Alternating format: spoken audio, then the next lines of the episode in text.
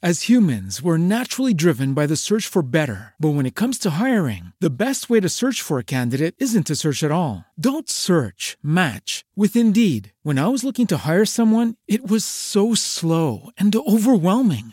I wish I had used Indeed. If you need to hire, you need Indeed. Indeed is your matching and hiring platform with over 350 million global monthly visitors, according to Indeed data, and a matching engine that helps you find quality candidates fast. Ditch the busy work. Use Indeed for scheduling, screening, and messaging so you can connect with candidates faster. And Indeed doesn't just help you hire faster. 93% of employers agree Indeed delivers the highest quality matches compared to other job sites, according to a recent Indeed survey. And listeners of this show will get a $75 sponsored job credit to get your jobs more visibility at Indeed.com slash podcast. That's Indeed.com slash podcast. Terms and conditions apply. Geçmişten Gelen'in 3. bölümünden herkese merhabalar. Merhabalar. Ne haber Serdar nasılsın? İyiyim sen nasılsın? Teşekkür ederim ben de iyiyim. Kısa bir ara verdik bir haftalık. Evet. Ardından yeni bir programla karşınızdayız. Ee, bugün de yine diğer günlerde, diğer yayınlarda olduğu gibi güzel bir konumuz var. Bugünkü konumuz da Rus devrimi ve Lenin. Biliyorsunuz ki devrimler ve liderler de bu sezonun konsepti. Bugün de Rus devrimini işleyeceğiz ve tabii ki Lenin'i de işleyeceğiz bunun içerisinde. Ee, program öncesinde seninle konuşmuştuk hani Rus devrimi mi diyelim Bolşevik devrimi mi diyelim diye çünkü orada bir Şubat evet, çünkü Ekim, evet bir çok fazla devrim iki devrim hareketleri var. var. Hatta e, 1905'te de bir devrim girişimi var. Hı hı. E, o yüzden biraz Rusya'nın e, yani Çarlık Rusyası'nın son yılları biraz çalkantılı. Anladım. O yüzden heyecanlı bir e, podcast bizi bekliyor.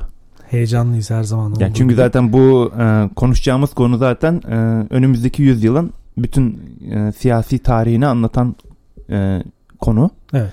Yani çünkü Soğuk Savaşı da hep zaten e, komünist ve kapitalist dünya olarak ikiye bölünüşü. Her şey bu devrimle başlayacak. Evet. Ve nasıl oldu da Çarlık yıkıldı yani. Bende de iyi denk geldi. Netflix'te Last Char diye bir e, dizi var Hı hı. 6 bölümlük. Onu izliyordum tam. Sonra seninle bu haftaki bölümü konuşurken sen deyince tam üstüne denk geldi. Ben de bu sefer program hazırlıklı gelmiş oldum. Yani Evet. izlediğim kadarıyla tarihe hakimim. İyi işte ne güzel oldu yani. Yani Hatta çok çok iyi denk geldi. Zaten komik bir şey de var. Rasputin gibi Aynen, bir şey var Rasputin zaten. bayağı bende Bayağı şey komiktir oldu. o. Komedi olayı oldu. İlginç bir insanmış o da. Belki Yani bazıları programı. mesela çok popüler kültür gibi Hı. hani bütün suç Rasputin'inmiş gibi hani Evet. bütün devrim ona at- atılır böyle. Enteresan yani tabii popüler tarih hoş görülüyor yani insanlar insanlar açısından. şey demiş çoluğumuz var çocuğumuz var Yani demiş. tabii yani Rasputin'den Rasputin insanlar korkuyor. Biraz evet. çapkın bir Tehlikeli Beyefendi. bir insanmış. Evet. O zaman başlayalım yavaştan. başlayalım. Rus devrimiyle. Yani, yani bu devrimin hani ne kadar önemli olduğunu şöyle anlatayım. Yani Rusya süper güç oluyor birden. Yani bu devrimin sonunda tabii birden süper güç olması imkansız. Hı hı. bir komünist devrim gerçekleşecek. Biz zaten anlatacağız birazdan. Ve sonra Sovyetler Birliği ol- oluşacak. Büyük, büyük bir iç savaştan sonra Kızıl Ordu ve Beyaz Ordu arasındaki.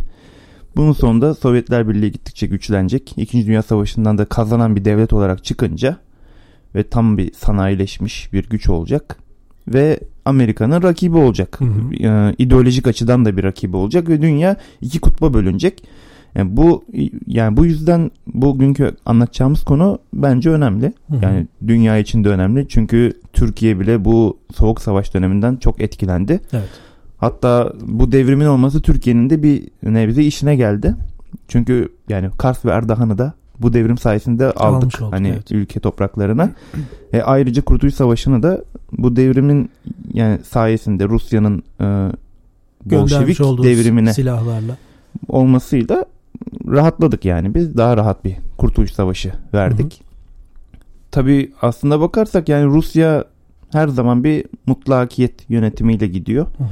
ve çarlar yönetiyor hani Rusya'da biz de padişah onlar da çar. Bazen böyle kavramlar hani şey açıklamak iyi oluyor. Hı hı. İşte imparatordur, kraldır, dük, düka böyle şeyler var Evet. mesela. İşte Ruslar çar diyor. Dük Kendi biraz da krallarını. şey gibi mi? Şehzade gibi bir şey mi oluyor? Yani dük çocukları dük, Dük, biraz oluyor da galiba. prenslik gibi oluyor. Anladım. Ama mesela değişiyor ya o öyle şeyler yani. Venedik'te de mesela dük düka diyorlar. Öyle Hı hı. şeyler var yani. Hani bu şeyler hep mesela e, Grand Duka diyorlar Osmanlı Sultanına. İtalyanlar, Venedikliler yazışmalarda. Hani büyük Türk, Türk şeyliği gibi hani Evet. nasıl diyeyim? Sultanlığı en gibi. büyüğü. Evet olabilir yani. Türklerin en büyüğü olabilir yani. E, böyle şeyler var işte. İşte bunun Ruslar da e, krallarına çar diyorlar. imparatorlarına. Ve son e, çarda ikinci Nikola. Zaten sen de dizide Evet. gördüğün kadarıyla feci bir akıbeti var ailesinin de. E, son çara gelene kadar tabii bir babası var. Babası 3. Alexander. E, onun da bir babası var tabii. O da 2. Alexander. Ve bu e, siz bu 3 son çar e, önemli değişimler yapıyor. Tabii 2. Alexander'dan başlayarak. E, şunu söyleyeyim. E, bu Rus çarları genelde Alman hanedanlarıyla evlenmişler. Zaten en sonunda bir Nikola e, da öyleydi. Evet. Evet evet Nikola da öyleydi. Ve en sonunda da bir e, Victoria ile de bir akrabalık kuruluyor İngiliz kraliçesi. Ve oradan zaten hep e, kralların, Kaiser'in zaten benzerliklerini görürsün. Zaten DNA olarak da benziyorlarmış. İşte sen Tabii, tabii, tabii. dizinin sonuna yetiştin. Hepsi akraba izlerken. oluyor yani bütün Ee, Avrupa akraba kralları. aynen de- çıkan kemiklerin onlara Hı hı. ait olup olmadığını anlamak için İngiltere'deki Evet, kraliyet evet. ailesine Evet. DNA'larını alıyorlar evet. Hepsi Çok ilginç. Ya öyle yani Victoria'nın e, şeyi bu. Hatta İlber Ortaylı'dan duydum geçen bir programda. Ya böyle şey hani belgesiz konuşuyor gibi oluyoruz ama İlber Ortaylı dedi şimdi bilmiyorum var Yaşayan mıdır belgesi de belge, hani aynen. Ee, şey demişler e, Victoria bir kızını şeye vermek istemiş 5. Murat'a Hı hı. 5. Murat o zaman şehzade tahtı da Abdülaziz var Osmanlı tahtında ee, Osmanlı yani Abdülaziz de Avrupa turuna çıkan ilk padişah Hı hı. o tur e, esnasında 5. Murat'ı çok beğenmiş Victoria yani kızımızı buna verelim demişler sadrazam da böyle mutlu mutlu gelmiş o demiş İngilizlerle şey olacağız hani akraba olacağız şey padişah kızmış olmaz demiş gavurla şey mi olur? e, sakin. Diğerleri değil. Neyse. Ama diğerleri şey cariyeler köle şeyinden sayıldığı için onlar şey yapmıyorlar. Genelde Osmanlı büyük ailelerle akrabalık kurmayı sevmez yani. Hı hı. Çünkü tahtını tehlike olarak görür. Büyük Türk aileleriyle evle, evlenmezler yani. Sonra 5. Murat da küsmüş babasına falan. Böyle. E zaten o da içkiye şey yapmış Aynen. biraz da hani nörotik olarak. Evet. Aşk yakmış kendini. e, bilmiyorum gördüm Evet. kızı da. E, ondan sonra işte dediğim gibi Çar ailesi ve yani Çar ailesi bu silsileden geliyor. Aslında bu silsilenin ne kadar önemli olup olmadığı önemli değil. Yani en son olarak hani Rasputin'e bağlarız Evet. diye bunu söyleyeyim dedim şimdiden. Ee, o Nasıl dursun bir kenarda. Ee, şunu söyleyeyim ben. 1861 yılında önemli bir hadise oluyor. Yani bu Rusya için çok önemli bir şey. Yani köylüler Rusya'da serf gibi yani toprağa bağlı köle gibi Hı hı. çalışıyorlardı. Onları köylü statüsüne yani bir üst statüye çıkardı Çar. Ve bundan sonra da yani şöyle toprak vermedi onlara. Yani toprakları belli başlı ailelere dağıttı ve bu da toprak ağalılığının çıkmasına neden oldu ve köylüler bu işten mutsuz ve yeniden fakirler yani. Evet. Hiçbir değişim olmadı ve bu e, Çar 3. Alexander da aynı şekilde ve 2. Nikola da aynı şekilde bunu devam etti. Ve köylülerin mutsuzluğu sürekli devam etti. Yani tabanda bir huzursuzluk yani yaklaşık bir 30 yıl 40 yıl boyunca sürdü. E, bu 1905 devrimine kadar. Ve bu da e, sarsmaya başladı ülkeyi. Yani zaten ben bu hani e, şeyin hoşnutsuzluğun temelini atmaya çalışıyorum Hı hı. şimdi. Ve bunun yanında Rusya bir de sürekli savaşa giren bir devlet. Şöyle söyleyelim. e, 1877-78 Osmanlı-Rus savaşı var. Bu savaş da yıpratıcı bir savaştı. Ruslar tabi İstanbul'a kadar geliyorlar. Yeşilköy'e kadar ama zaferle geliyorlar. E, Yine de savaş yıpratıyor. Ekonomiyi yıpratıyor. Ve daha sonra işte e, Japonya ile bir savaş var. Zaten 1905 Evet, savaşı. Evet bayağı. bu çok önemli bir yıkım oluyor oluyor. ve Rus donanması yok oluyor. E, Japonlar yok ediyorlar. Tabi bu e, İngiltere destekli Japon ittifakı var. E, İngiltere tabi aktif olarak savaşmıyor savaşta ama Japonya'yı destekliyor. Silah ve eğitim olarak. Evet Osmanlı bile Japonya'yı destekliyor. Çünkü hani Rusya'yı düşman gördüğü için kendisine tehdit onu destekliyor. Ve bu 1905'teki yıkım e, askerlerin yani savaşın kaybedilmesi Petersburg'da o zaman Rusya'nın başkenti Petersburg. E, orada büyük bir e, infiali yol açıyor ve insanlar artık kalkışmaya başlıyor, hareketlenmeye başlıyor ve bu arada da e, Rusya sanayileşmeye başlamış bir devlet. E, şöyle söyleyelim aslında Almanya ve Fransa, e, İngiltere gibi bir sanayisi yok. Avusturya Macaristan kadar da bir sanayisi yok. Hı hı. Ama bir sanayi sistemini oturtmuş. Yani Osmanlı'dan kat ve kat daha iyi ve bir işçi topluluğu var. Bunlara da mesela Sovyet deniyor. Evet. İşçi topluluğu Evet. oluşmuş. Evet evet işçi sendikaları hani bu işçi meclislerine bunlar Sovyetler deniyor. Ve onlar oluşmuş ve e, tabanda da bir siyasi olarak e, bir söylemlere sahip olmuşlar. Ve Çar'a artık kafa tutmaya başlamışlar yani ve köylüler de tabi sürekli bir hoşnutsuzluk var. Ve bu savaş yılları sürekli Rusya'da bir kıtlığa sebep oluyor. Ve kıtlık şöyle söyleyebilirim yani işçiler greve çıktıkları zaman mesela ekmek Rusya'da ekmek olmazsa zaten ihtilal oluyor. Hı hı. Zaten bu şey sebepler de bunlar hep yani. Lenin'in söylemi vardır zaten ekmek ve barış. Ona da geleceğiz birazdan. Neden ekmek ve barış dediği zaten bundan gelecek. Ee, Rusya'da aslında kıtlık olmaması gereken bir memleket. Çünkü çok değerli ovaları var. Buğday tarlaları. Ya hatta biz bile zaman şimdi alıyoruz Rusya'dan buğday. Yani kıtlığın olmaması gerekirken kıtlık oluşturuluyor piyasada. Yani bunu topluyorlar mesela e, burjuvazi kendi elinde ve fiyatları yükselterek işçiler fakir, e, köylüler de fakir ve bu kıtlıktan dolayı aç kalıyorlar ve zor duruma düşüyorlar ve hoşnutsuzlukları gittikçe artıyor. Artıyor. E, bu da zaten devrimleri tetikleyen olaylar. Yani insanlar açken sürekli bir şeyi yıkmak isterler. Yani oruçluları düşün mesela. Aynen yani öyle. çok sinirli oluyorlar mesela. Adamlar devrim yapıyor yani. 500 bin işçi bir, bir toplanıyorlar. Devrim yapmaya kalkıyorlar. E, bunları söyleyebiliriz yani temel olarak. Hani Rusya'daki e, hareketlenmenin nedenini. E, bir de şöyle bir şey var. Rusya'da e, ciddi bir eğitim faaliyeti başlamış 1850'lerden beri. Yani aslında tabii Rusya'nın eğitim faaliyetini 1850'ler olarak belirlemek biraz yanlış olabilir. Petro'ya da götürebiliriz yani büyük Daha petro. Yani biz deli petro diyoruz ama Hı e, büyük petro işte. E, ona götürebiliriz yani bir modern adım atma olarak e, modern bir çar kendisi. E, bütün mesela modernlikleri şey dudaktan öpüşmeyi yasaklamış. Bu şey yani adam tiksinmiş herhalde yeter, Yeter demiş. artık geleni geçeni. Sakalları mesela kestirtmiş. Hı hı. Bu da bir modernlik şeyi mesela. Yani balo yaptırılıyor mesela her yerde. Şeyde köylerde falan bayağı müzik eğitimi falan alıyormuş çocuklar hani. O Sanat, aslında belki müzik. 1800'lere E, gelince daha iyi olabilir de çünkü şeyde gerçekten bir sefalet var Rusya'nın köylerinde.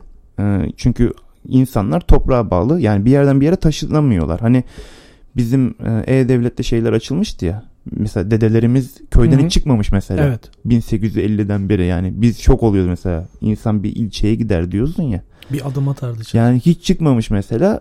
Onun gibi yani adamlar da bütün hayatlarını orada geçiriyorlar ve toprağa bağlılar. Sürekli çalışıyorlar. Devlet için üretiyorlar yani. Yapacakları hiçbir şey yok. Hı hı. İşte onlara da serf deniyor zaten. İşte bu eğitim faaliyeti yani tabanda bir yani bilginin yükselmesine neden oldu. Yani bu Avrupa'da gelişen aydınlanma akımının yarattığı ortam Rusya'ya da yansıdı tabi. Yani bu Fransız ihtilali de tabi bununla birlikte. Tabi bundan Türkler de Rusya'daki Türk Müslümanları da yararlandı. Hatta binlerce medrese açılmış, okullar açılmış ve zaten Türk oradaki Müslümanlar yani Türkler daha bilinçli olarak Hı hı. e, Türkiye'ye döndüklerinde daha bilinçli hareket ediyorlardı. Ve şuna da dikkat çekmek lazım ki diğer bütün milletler de gerekli eğitimsel e, donanımlarını arttırdılar Rusya'da. Zaten burada da Lenin'e gelmek istiyorum. Hı hı. Lenin de normal e, küçük bir köyde doğdu e, Urallarda. Ve o da abisi de zaten e, Petersburg'a gitmiş. Biyoloji ve kimya işte okumak için. E, abisi de hani bunları e, okurken devrimci akımlara e, karışmış. O da tabii bu kitaplara herkes ulaşabiliyor artık ülkede. Yani çarlık ya- yasaklamıyordur herhalde onu okumadım görmedim ama ve 3. Alexander'a bir suikast planlıyorlar. Ve bu suikast e, gerçekleştiremiyorlar ve abisi öl ya, idam ediliyor e, Lenin'in. Hı hı. E, Bunun sonucunda da daha fazla kendisini okumaya veriyor ve devrimci e, harekette devam ediyor. Ve zaten devrimi gerçekleştirecek olan Evet. adam oluyor birden.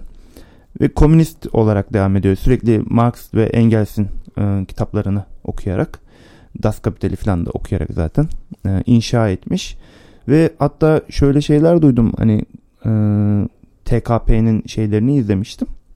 Orada da şey diyorlar. Hani Marx e, gayet soyut bir şey ortaya koyuyor. Lenin de onu somutlaştırıyor. Gerçekleştiriyor. Bu dünyaya uy- uygunlaştırıyor diye e, mantıklı geldi aslında.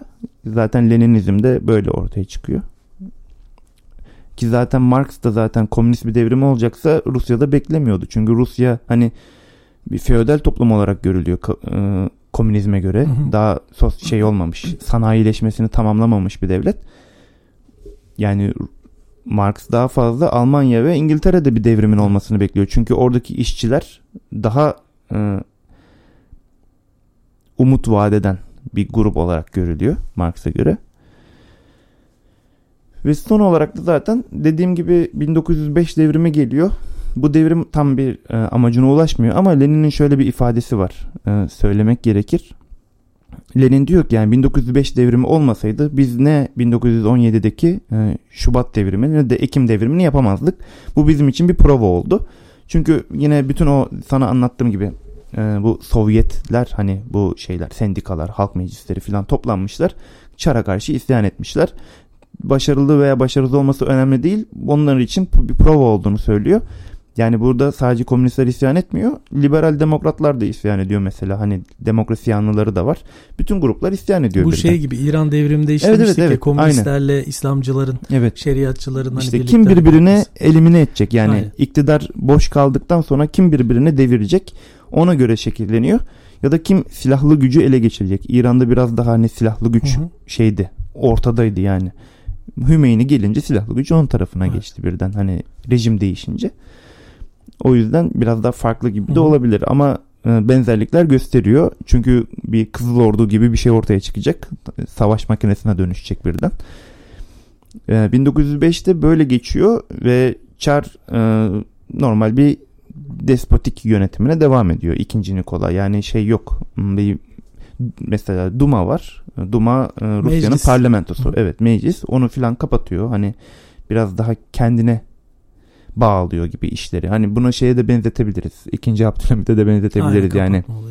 Ee, Rusya ile savaş varken meclisi kapatıp yetkileri kendi üstünde alıp kendisini yöneteceğini düşünüyor olabilir. Olmayabilir. Yani bunu fırsat bilip bütün gücü kendine de toplamak istiyor da olabilir. Bunu net bir karar veremiyoruz tarihçi olarak. Tabii. Tarihin deneyi Evet olmaz. yani işte Çar da bütün gücü elinde alıp e, hareket etmeye başlıyor ve ilk olarak da aslında şeyle Birinci Dünya Savaşı'na geliyoruz zaten bu esnada. Çünkü artık herkes netleşmeye başlıyor gruplar. Rusya ilk olarak Almanya ile ittifak kurma peşinde. Almanya ile ittifak kuramıyor tabii ki de. E, çünkü Almanya'nın emelleri farklı, Rusya'nın emelleri farklı. Ruslar e, tam anlamıyla boğazları yine istiyorlar. Yani o bize her, her zaman öğretilen şey Sıcak geçerli. suya ayakları değecek illa. Evet yani Antalya'yı istiyorlar Evet. yani. Zaten yaz oldu zaten. Antalya'ya Ruslar dolmuştur. Yani nispeten iniyorlar turizm. Yani işgal edemeseler de Yani. turizme geliyorlar. Artık müttefikiz ya. Yani. S-400'ü de alacağız. İnşallah. İnşallah. Onun güncel konulara da değiniyoruz böylece Evet. hafiften. Ee, işte daha sonra tabii İngiltere ve Fransa var. Ee, Rusya önce Fransa ile ittifaka giriyor. Ee, daha sonra İngiltere'de zaten bu ittifaka giriyorlar ve anlaşmalar dönemi başlıyorlar. Şimdi yani bu savaşın amacı tabii Osmanlı olduğu biz sonradan öğreniyoruz. Bolşevikler bütün yapılan bu gizli anlaşmaları atacaklar uluslararası arenaya. Biz o zaman anlayacağız. Aa Osmanlı paylaşılmış diye. Halbuki savaşı Osmanlı için yapılmış. Biz yani kimsenin haberi yok. Biz zannediyoruz ki şey Avusturya Macaristan veliahtı için yapılmış savaş. Ee, mesela Boğazları ve Doğu Anadolu'yu Ruslar alıyor. Ee, anlaşmaya göre. Filistin, Ürdün, e, Irak gibi bir taraflar var. İşte hani Orta Doğu bölgeleri. Onu İngilizler, Suriye'yi Fransızlar alıyor Lübnan'la birlikte. Böyle bir paylaşım yapılmış. İşte arada da böyle mesela İtalya ile de arada anlaşma imzalanıyor. Yani İngilizler İtalyanlarla Hı hı. imzalanıyor. Size İzmir ve Antalya bölgesi. Antalya'yı vereceğiz. İzmir'i almıyorlar herhalde onlar. İzmir'i sonradan Yunanlar. Yunanlara veriyorlar. Mesela böyle şeyler var. Çünkü Rusya savaş dışı kaldığı için sonra İngilizler şey o zaman Amerika'sı İngiltere olduğu için yani Yani. anlaşmalar umurunda değil. Herkese bir yer verebiliyor yani. Sanki Osmanlı onun toprağı da toprağı dağıtıyor. Ve bu anlaşmalar doğrultusunda zaten biz mesela Osmanlı'yı da anlatalım bari. Hani bunu şey yapmışken Osmanlı ilk İngiltere'ye gitmiş. Birinci Dünya Savaşı'na girerken hani biz de savaşa girelim. kaybettiklerimizi almak istiyoruz demiş. Ama İngiltere buna yanaşmamış. Çünkü Girmeyin, zaten boş verin Rusya ile şey e, ittifak halinde İngiltere ki Rusya'nın bütün emelleri Osmanlı üzerinde. Toprak kazanımlarını Osmanlı'dan sağlamak istiyor. İngiltere buna olur veremez. E, yani çünkü Rusya Osmanlı da Rusya'dan toprak kazanmak istiyor ve Balkanlardan kazanmak istiyor. E, bu yüzden çıkarlar çatışıyor. E, hatta Talat Paşa biraz e, Said Halim Paşa var mesela. Onlar İngiliz taraftarı biraz daha. Cemal Paşa var İttihat Terakki'den. O Fransa taraftarı. Enver Paşa da Alman taraftarı. E, En- Enver Paşa'nın dediği olacak işte en sonunda. Cemal Paşa da Fransızlara sormuş etmiş ama Fransızlar da olumlu bir Fransız dönüş kalmışlar vermeyince orada. Evet cevap vermemişler yani. Meşgul çalmış telefon. Uyudun mu? Saat farkında. Ondan sonra işte Almanya ile savaşa giriyoruz yani. Ve Rusya için savaş hiç iyi geçmiyor. Ee, aslında tek iyi geçen şey bizim stratejik başarısızlığımız olan Sarıkamış harekatında biz başarısız olduğumuz için Rusya biraz daha Kafkaslar'da daha rahat hareket etme imkanı buluyor. Ama Alman sınırında tamamen bir facia var. Ee, yani savaşın ilk başlarında 1914'te başladı savaş. Ee, Avusturya Macaristan ordularını feci yenilgilere uğratıyor. Yani yaklaşık 200 bin askeri esir almış mesela. Yani çok Avusturya Macaristan orduları çok dağınık ve savaş kabiliyetleri çok düşük.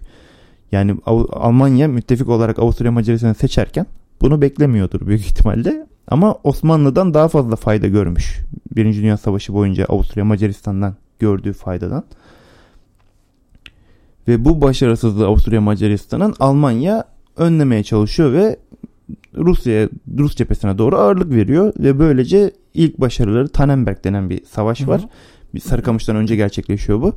Aynı bizim Sarıkamış gibi Rusları kuşatıyorlar ve çok ciddi miktarda Rus askerini esir alıyorlar. Hatta öldürüyorlar zaten.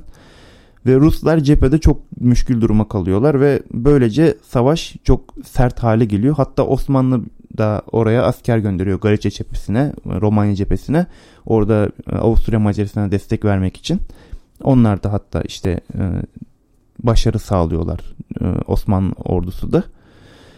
Ve 1917'ye geldiğimizde artık Rusya için yani tam bir kriz anı oluyor. Çünkü tam bir savaş var ve savaşı kaybediyorlar ve yaklaşık 1 milyon 700 bin Rus askeri ölmüş.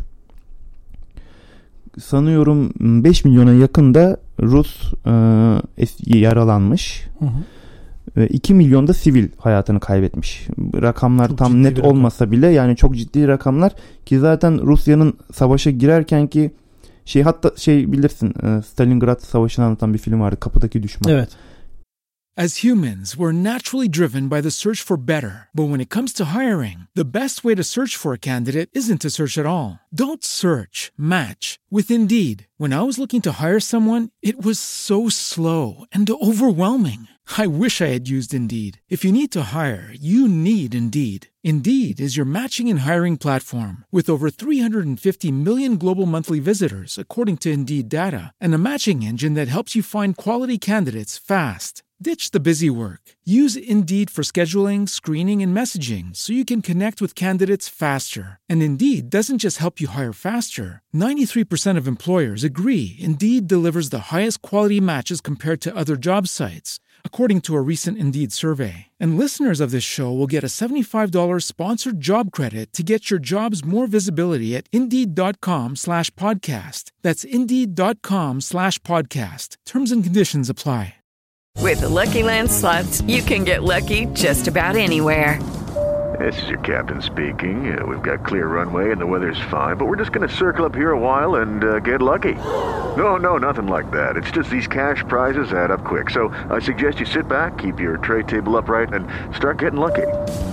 Play for free at LuckyLandSlots.com. Are you feeling lucky? No purchase necessary. Void where prohibited by law. 18 plus terms and conditions apply. See website for details. Jude Law oynuyor Aha. hatta. Orada hatırlarsın zaten bir tüfek verirler bir mermi verirler. Evet. Ya beş tane mermi verirler daha doğrusu. Rusya gerçekten savaşa öyle giriyor. Bütün savaşlar hep öyle girdi zaten hayatı boyunca. Çünkü yani manpower olarak hani asker sayısı olarak çok fazla asker çıkartabiliyor ama bunlara Silah malzeme olarak. yetiştiremiyor. Evet. E, bu yüzden çok fazla kayıp veriyor. Ve bu kayıplar da yani çünkü halk üzerinde bir huzursuzluk yaratıyor ve artık halk sürekli bir barış ister pozisyonda. Lenin'in hani demiştim ekmek ve barış işte bu barış kısmı da bundan geliyor. Hı hı. Çünkü artık savaştan bıkmışlar ve barış isteyen bir halk var. Ve yani sanayiciler de yani sanayiciler sürekli bir orduya üretim yapmak durumundalar ve işçiler de bu huzursuzluk nedeniyle greve başlı, başlıyorlar ve greve başlayınca da orduya yeterli malzeme üretilmiyor. Yani hem ordu üretilmiyor hem halk için de üretilmiyor. Fiyatlar artıyor. Savaş durumu var zaten. Ve bu tamamen bir e, çöküşe yani halk tabanında bir çöküşe neden oluyor. Toplumsal olarak da bir çöküş var. Cephe yani Birinci Dünya Savaşı'na devam edersek yani mesela Sarıkamış hadisesi olduğu için e, Kafkas cephesinde orada rahat durumdalar. Mesela tabii ki de olmaz yani beyin fırtınası yapalım biraz da hani biz orada Sarıkamış'ı kazansaydık Rusya daha kötü duruma düşebilirdi. Evet. Ve daha erken devrim olma ihtimali doğabilirdi. Hatta bir de Çanakkale Savaşı gibi bir şey var. 1915'te zaten İngilizler anladılar yani Rusya'da bir şey olacak. Yani Rusya 1914'te savaşa girdi.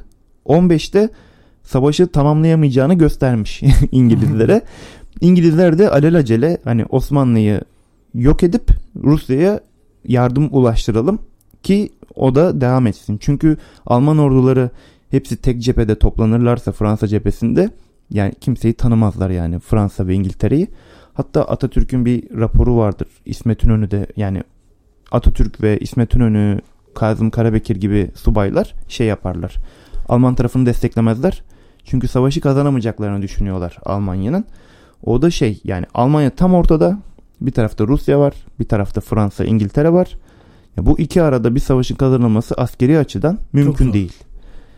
Ve bunun için Almanya tarafında savaşa girmek çok mantıksız görülüyor. Onlar mesela hiç savaşa girmeme taraftarıydılar. Ama girdikten sonra zaten hani artık şey yok.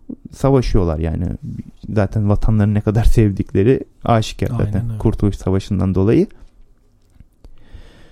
Ve yani bu olayların e, akabinde yani Rus ordusunun verdiği kayıpları zaten söylemiştik ve Rus ordusunun artık yani Almanları e, işte Polonya, e, Estonya, işte Letonya, Litvanya sınırlarında tutmak yani çok güçleşiyor ve Alman orduları son olarak e, Türk askerleriyle birlikte e, işte bütün o genel cephede e, Rus sınırlarında genel bir taarruza kalkıyor ve Rus ordularını perişan ediyor.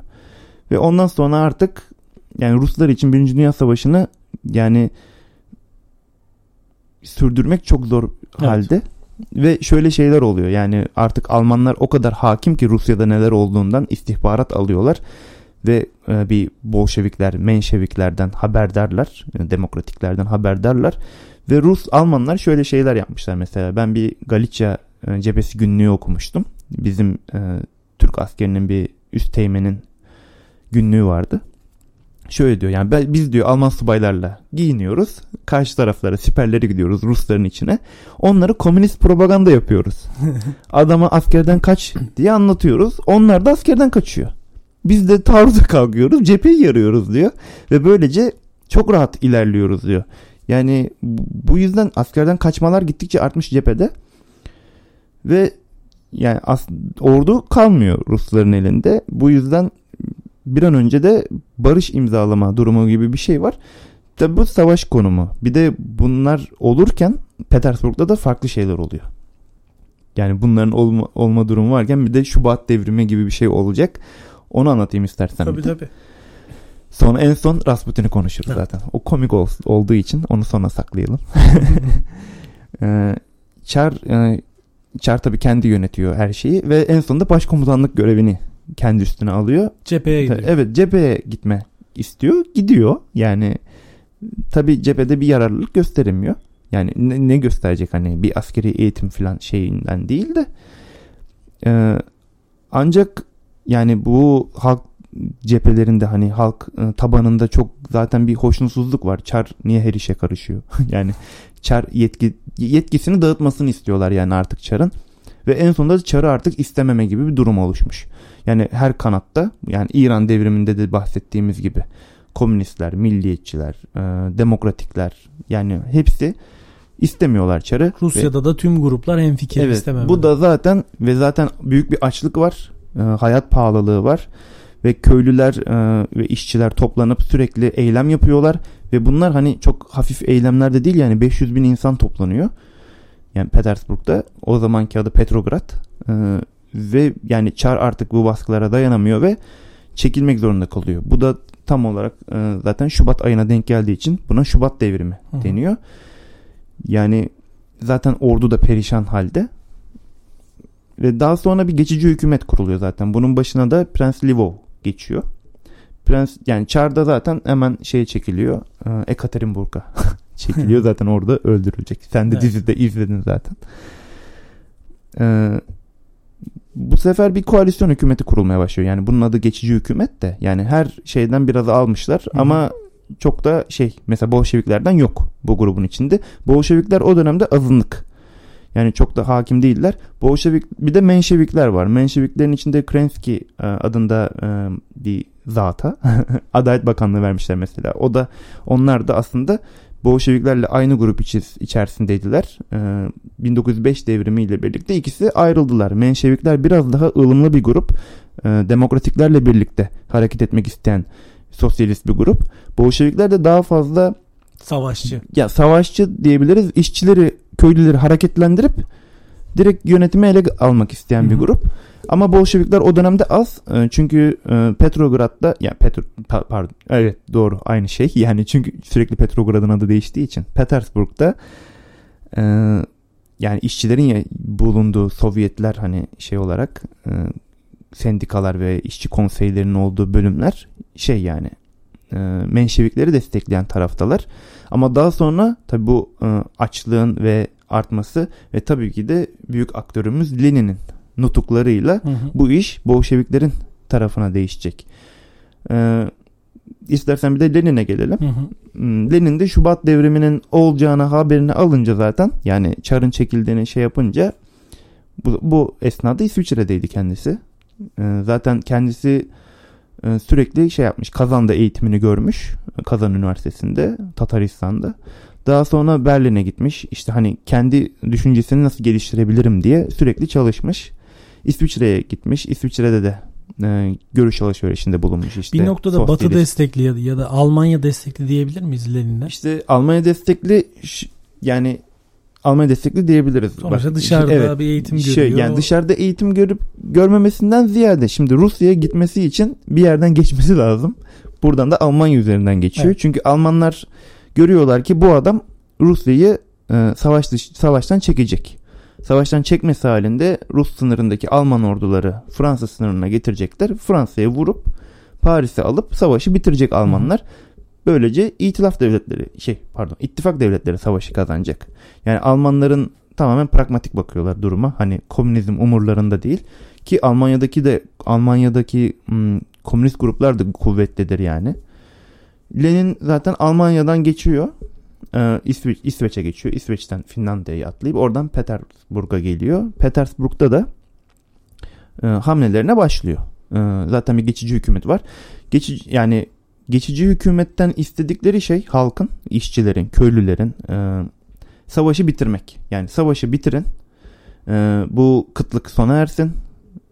Yani herkes normale dönsün ve gerekli reformları yapın. Yani toprak reformunu, köylülere topraklar dağıtılsın. Yani haklarımızı tanıyın yani insanca yaşayalım istekleri var. Yani çünkü adaletsiz bir ortam var ülkede. Hı hı. Bu adaletsizliği aşmak istiyorlar. Ki zaten bir de şöyle grup var yani gruplar var. Rus olmayanlar var bir de. Ee, Türkler var mesela. Bunlar direkt Ruslar, Müslümanlar diyor. Kazaklar var. Evet yani Kazaklar işte hani Orta Asya'dakilerden Hı-hı. bahsediyorum. Bir de Azerbaycanlılar var tabii ki de. Bir de mesela Ermeniler, Gürcüler gibi gruplar da var. Hani Finliler var. E, Polonyalılar var. E, onlara Lehliler diyorlar işte. Herkesi de memnun etmeleri gerekiyor.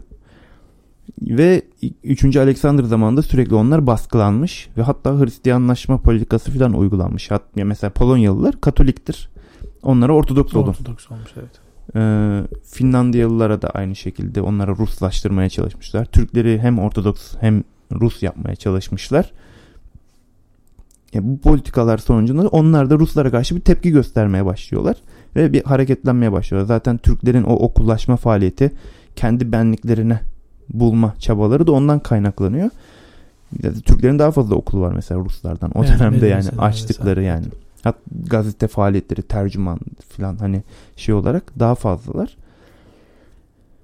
Ve Lenin'in tabii şeye gelmesi, e, Petersburg'a gelmesi halk üzerinde büyük infial yaratıyor zaten. Bütün nutuklar atılıyor sürekli. Mesela Nisan mektupları gibi şeyler yayınlanıyor. Nisan ayına geliyoruz tabii Şubat'tan. Evet. Çünkü çok kısa bir süre zaten. Hepsi 2010 şey 1917'de olduğu için.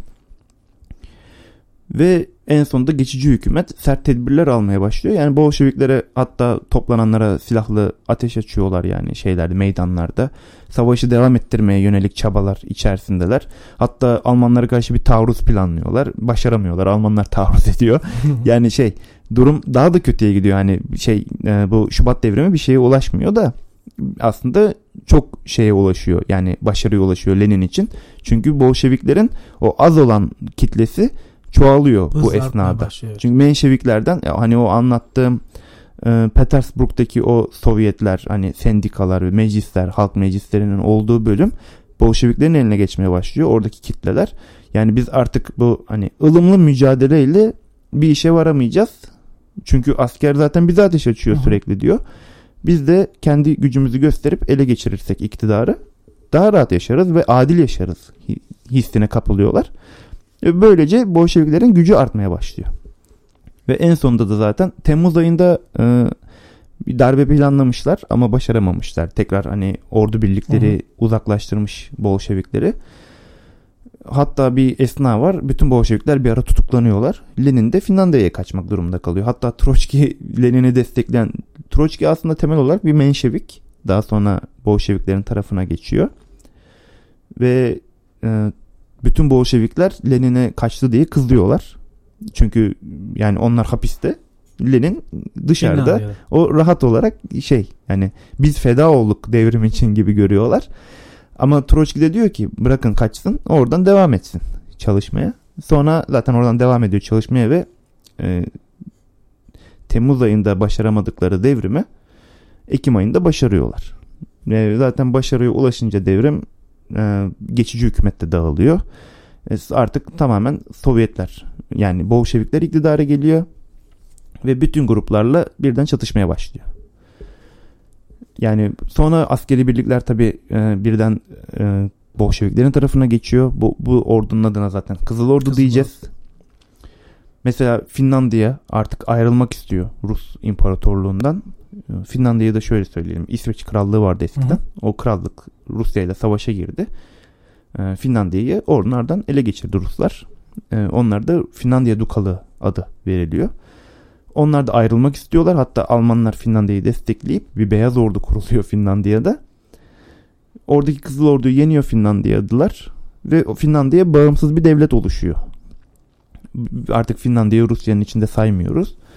Ve ondan sonra e, Bolşevikler söz e, yani söz verdiklerini yere geçirmeye başlıyorlar. Yani Lenin e, dediği gibi hani barış ve ekmek. Yani ekmeği bulma çabasında ve barışı önce hemen barış yapmaya çabasına giriyor. Hemen Brest-Litovsk anlaşması imzalıyor Almanlar, Osmanlı, Avusturya, Macaristan. Biz o anlaşmayla Kars, Ardahan, Batum'u alıyoruz. Hatta biz o anlaşmadan sonra bile gidip Bakü'yü alıyoruz yani sürekli şey Türk İslam Ordusu diye bir ordu var. Mesela şey illegal bir ordu bir, birliği. Onunla birlikte Dağıstan'a kadar gidiyoruz. Yani Güney Rusya'daki bütün toprakları ele geçirmişler. Çünkü Rus askerleri geri çekilmiş. Kimse savaşılacak. İngilizlerle savaşıyorduk mesela biz Bakü'de. Ve Ermeni çeteleri vardı işte. Ve şöyle devam etmek gerekirse Brest-Litovsk dedik. evet Brest-Litovsk anlaşmasında büyük Barış ödünler veriyor yani. Aslında barışı vermişler. sağlıyorlar. Ee, ve halkı bir nebze rahatlatmaya başlıyorlar. Barış sağlandıktan sonra bu sefer tabi ekmek bulma çabası e, çok sıkıntıya giriyor tekrar. Çünkü bir barış sağlanıyor. Ordu birlikleri şimdi ikiye ayrılıyor. Bir beyaz ordu kuruluyor. Ukrayna'da var. e, Sibirya'da var. Yani hatta Menşeviklerin çok güçlü olduğu Gürcistan'da var. Gürc- mesela Kafkaslar'da Yeşil Ordu diye bir ordu var mesela. İslami bir ordu Hı hı. değil yani yeşilden çağrıştırmasında. O da bir şey ama onlar daha sonra Bolşeviklere katılıyorlar. Ve böyle bir iç savaş meydana geliyor ve bu iç savaş çok uzun sürüyor. Yani uzun sürmesinden 2 yıl falan sürüyor. Ve yani Bolşevik sisteminin oturmasına biraz daha zaman var. Hani o şey insanların o kıtlıktan çıkması hemen ulaşmıyor. Barış hemen sağlanabilir ama tabi barış da bir nebze sağlanıyor çünkü Barış iç savaş karın geliyor. doyurmuyor yani ilk başta. Evet yani barış karın doyurmuyor. Ve bu sefer Kızıl Ordu ile Beyaz Ordu'nun savaşı başlıyor. Beyaz Ordu'nun başında da e, Kolçak, e, General Kolçak var. Hatta general de demeyelim, amiral diyelim. E, amiral Kolçak kendisi e, Karadeniz filosunun komutanı. Ve Beyaz Ordu'nun başına geçiyor zaten. Savaşmaya başlıyorlar Kızıl Ordu'yla. Ama Kızıl Ordu gayet güçlenmiş bir şekilde. Bütün Rus ordusundan kalan ekipmanlarla birlikte savaşıyorlar. Beyaz Ordu tabii dışarıdan destek görüyor İngilizlerden, Fransızlardan, Amerikalılardan. Ama tabii başarılı olamıyorlar. Bu hatta savaş Sibirya'ya kadar sürüyor yani. Her yerde ülkenin her yerinde savaşılıyor. Irkutsk'a kadar gidiyor. Hı. Ve en son orada Kolçak yakalanıyor ve idam ediliyor, kurşuna diziliyor ve böylece Kızıl Ordu iç savaşı da kazanıyor. İç savaşı kazandıktan sonra Sovyetler Birliği kuruluyor ve rahat yüzü göreceğiz zannediyoruz ama yine görmüyor. Bu sefer e, tabi bu iç savaş bitene kadar Birinci Dünya Savaşı bitmiş. Şimdi böyle kopuk kopuk oluyor ama Almanya'da yenilmiş yani şey olarak. Bu Rusya'nın, Almanya'nın Ruslardan aldığı topraklarda Polonya kurulmuş. Ve bu topraklarda bir sınır anlaşmazlığı var sürekli. Polonya nereye alacak, Rusya nereye alacak? Bu sefer Rus Sovyet Savaşı başlıyor. Şey pardon. Polonya, Polonya Sovyet Savaşı başlıyor. Troçki hatta bu savaşta savaşıyor hatta kendisi. Ve bu esnada Polonya Savaşı kazanıyor. Hatta bugün e, Türklerin sürekli ucuz diye Ukrayna'ya gidiyorlar ya. Hı hı. Lviv mesela. Lviv mesela Po- Polonya'nın elindeydi. Ve hatta Lviv'in? Evet evet kültür olarak Kiev'i alıyor zaten Polonya Hı ordusu. O zaman anlaşmada Kiev şeye kalıyor. Ruslara kalıyor.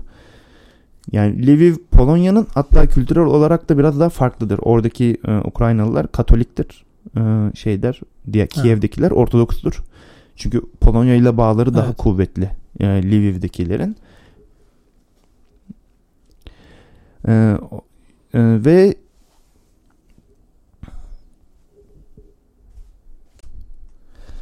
E, Daha sonra Polonya zaten savaşı kazanıyor ve Sovyetlerle anlaşma imzalıyorlar. Bu anlaşmada da İngiltere arabuluculuk yapıyor. E, Lord Curzon vardır işte hani bizim Lozan anlaşmalarında Hı hı. da onun anlaşma e, arabuluculuğunda bir sınır çiziliyor ve o sınıra riayet ediliyor.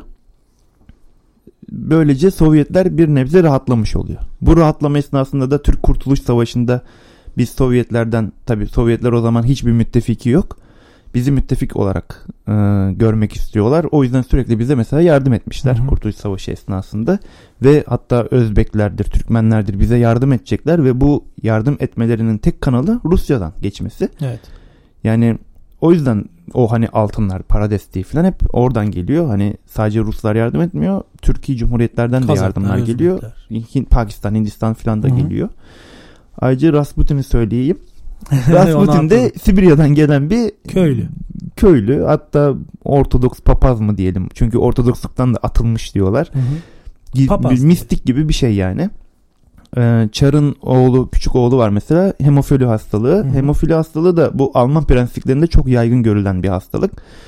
Ee, podcast'ın başında söylemiştim bu Alman prens Evet. prensesleriyle evleniyorlar diye.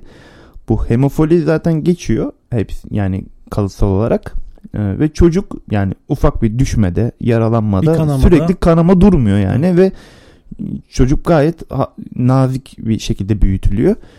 Ve bunu yani çocuk böyle nasıl diyeyim ciddi hastalanıyor. Baş ağrıları falan gibi bir şeyler var. Tek iyileştiren Rast. Tek iyileştiren de Rasputin. Birden Rasputin çıkıyor ortaya. Geliyor iki amin yapıyor.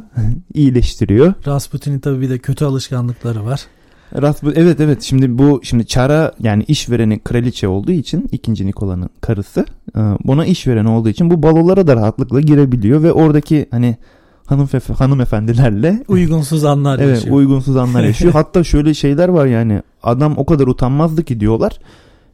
Yani trende, gemide her yerde diyor. Yani yapabiliyor böyle şeyler diyor. O yüzden biraz sıkıntı ve Rasputin bu gücü kendinde bulduğu için sürekli Çar 2. Nikola'ya e, emirler vermiş mesela. Hı hı. Şu konumlara şunu getir, bu konumlara bunu getir diye şeyler vermiş. Yani en sonunda da zaten mesela bütün bu devrim Rasputin yüzünden olduğu söylenen şeyler var. Bu da bunun nedenidir yani. Çar 2. Nikolay'ı Rasputin zehirledi hani fikirleriyle. Evet. O yüzden bize böyle davranıyor Çar. Şeyde de dizide de öyle bayağı ele geçiriyor onları. Yani haklarında ne kadar olumsuz şey çıksa da Rasputin'le ilgili şey çıksa da onlar onu İşte zaten e, bu zaten Rasputin'i de zaten soylular öldürüyor Hı hı. zaten. Hatta bunda bazı şüpheler var. İngiliz ajanlar geldi öldürdü filan diye şüpheler de var. Yani mesela ne ne içiyor bir zehir içir, içiriyorlar National önce, Geography'de pardon National Geography'de şey vardı. Ee, bir Rasputin'in kafasındaki mermi silahı şeymiş İngiliz üretimiymiş. İngiliz ajanları kullanıyormuş o tabancayı. Hani bunlar çok böyle şehir efsanesi Daha gibi ama Anastasia olayı var o falan. daha Anastasia var. Onlar zaten şey Bu dizide açıklamışlar ama onu bir soru Evet, işaretleri var. diziyi izleyebilirsiniz yani. Last Char'ı tavsiye ediyoruz. evet teşekkürler. Yoruldum Ee, biraz. Bayağı yoruldum bugün. Bayağı seri devam ettik. Ee, programımızın sonuna geldik. Ee, bizi dinlediğiniz için çok teşekkür etmeden önce yine bir hatırlatma yapacağız. Bizleri Spotify'dan, Spreaker'dan, Apple Podcast ve Google Podcast kanallarından takip edebilirsiniz.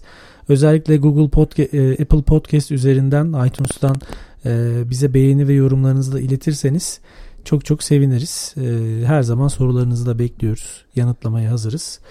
Bu güzel program için de Serdar'a çok teşekkür ediyoruz. Ben teşekkür ederim. Bir sonraki yayınımızda o zaman görüşmek dileğiyle diyoruz. Görüşmek üzere. Hoşçakalın. Hoşçakalın.